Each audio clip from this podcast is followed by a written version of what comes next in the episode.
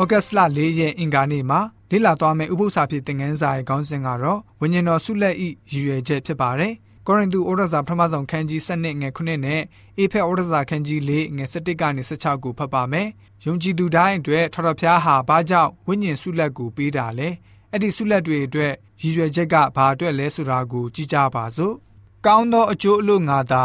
ဝိညာဉ်တော်ကိုလူအသီးသီးတို့အားထင်ရှားစွာပေးတော်မူလျက်ရှိ၏ ခရစ်တော်ဤကိုယ်တော်ကိုတိဆောက်၍ဓမ္မဆရာ၏အမှုကိုပြုတတ်မိအကြောင်းတန်ရှင်းသူတို့ကိုပြင်ဆင်ခြင်းအလို့ငါထိုသခင်သည်လူအချို့တို့ကိုတမန်တော်အရာ၌၎င်းအချို့တို့ကိုပြောဖက်အရာ၌၎င်းအချို့တို့ကိုသာသနာပြုဆရာအရာ၌၎င်းအချို့တို့ကိုတင်အုပ်ဆရာဆရာအရာ၌၎င်းခံထားတော်မူ၏ငါတို့ရှိသမျှသည်ယုံကြည်ခြင်းသို့၎င်းဖျားသခင်ဤသားတော်ကိုတည်ကျွမ်းခြင်းသို့၎င်းတညီတညွတ်တည်းရောက်၍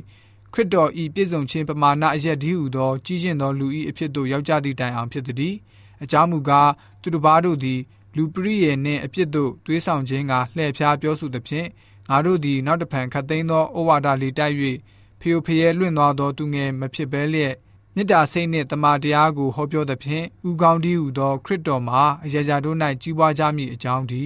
ထိုဥကောင်းမှအစစ်အပိုင်းများတို့သည်အားဖြည့်သဖြင့်တကိုယ်လုံးသည်စစ်ဆက်ထုံးဖွဲ့လျက် အသီးအသီးအင်္ဂါများကိုငန်းကိုတာအတိုင်းပြုပြင်သည်နှင့်အညီမိမိကိုယ်ကိုမေတ္တာ၌တိဆောက်ခြင်းကကြီးပွားစေတတ်၏ဆိုပြီးတော့ဖော်ပြထားပါတယ်။ဝိညာဉ်ဆုလက်ဟာရည်ရွယ်ချက်များစွာအတွက်ဖြစ်ပါတယ်။ထာဝရဘုရားရှင်ဟာမိမိရဲ့အမှုတော်အောင်မြင်ဖို့အတွက်အသင်းတော်ကိုတင် जा အားပေးခြင်းအတွက်အဲ့ဒီဆုလက်ကိုပေးတာဖြစ်ပါတယ်။ဆုလက်အလုံးကိုပေါင်းစည်းပြီးတော့အသင်းတော်တွတ်တဲ့ရေးကနေပြီးတော့အမှုတော်ကြီးကဘာတဝမ်းပြီးဆုံးသွားစေဖို့ရည်ရွယ်ပါတယ်။ တမန်ကျမ်းစာရေးသားတဲ့သူတွေဟာဝိညာဉ်ဆုလက်အကြောင်းပုံပမာပြရေးသားပေးပါတယ်။ဖျားရှင်ကနေမိမိရဲ့အသင်းတော်အတွက်ခြာပေးတဲ့ဝိညာဉ်ဆုကျေးဇူးတွေကတော့အစီတော်ခန္ဓာအမှုတော်ဆောင်တာ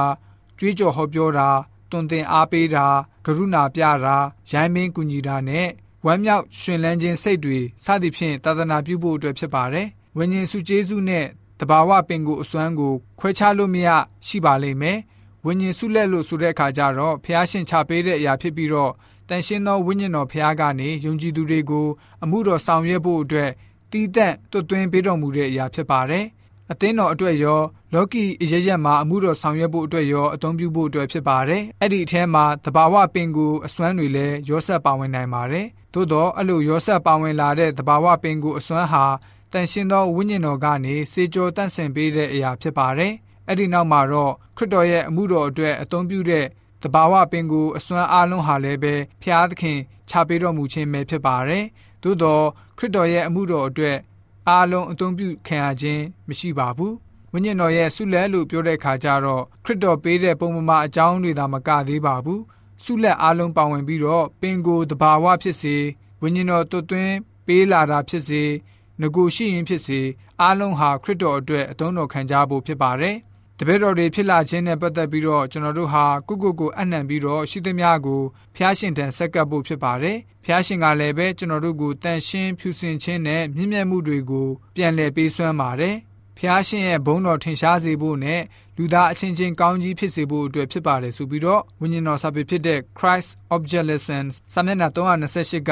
ဖော်ပြပေးထားတာတွေ့ရပါတယ်။ ပြောဖက်ပြုချက်တွေနဲ့အသင်းတော်အချုပ်ရေးအတွက်လည်းပဲဖျားရှင်ဟာဝိညာဉ်စုကျေးဇူးတွေကိုချပေးလေးရှိပါတယ်။အသင်းအုပ်ဆရာအသင်းလူကြီးခရစ်တော်ရဲ့ခန္ဓာအင်္ဂါမှာပါဝင်ပြီးတော့တွင်တင်ဆုံးမတဲ့သူအားလုံးအသင်းသူအသင်းသားအားလုံးကိုဆိုရင်ဝိညာဉ်ရေးရတိုက်ကြွေးပြုတဲ့သူအားလုံးနောက်ပြီးအသင်းတော်အတွင်းမှာရှိတဲ့ဥဆောင်သူအားလုံးတွေရဲ့အလုပ်ကတော့အသင်းသားတိုင်းကိုကူညီပေးတာဝိညာဉ်ဆုလက်ကိုတွေးရှိသိမြင်ပြီးတော့ရရှိကြတဲ့ဆုလက်အသီးသီးကိုအသုံးပြုပြီးတော့ ခရစ်တော်ရဲ့ကိုယ်ခန္ဓာဖြစ်တဲ့အသင်းတော်ကိုတိဆောက်သွားဖို့အတွက်ဖြစ်ပါတယ်။ကျွန်တော်တို့ဟာငကိုပင်ကိုအစွမ်းတွေရှိကြပါတယ်။အဲ့ဒီအရာတွေကိုလောကီရေးရာအတွက်အသုံးပြုနေကြပါတယ်။အဲ့ဒီအစွမ်းတွေဟာလည်းပဲအသင်းတော်အတွက်ကောင်းကြီးမင်္ဂလာဖြစ်လာစေနိုင်ပါတယ်ဆိုပြီးတော့မှအင်္ဂါနဲ့ဥပုသ္စာဖြစ်တဲ့ငန်းစာကဖော်ပြလိုထားပါတယ်။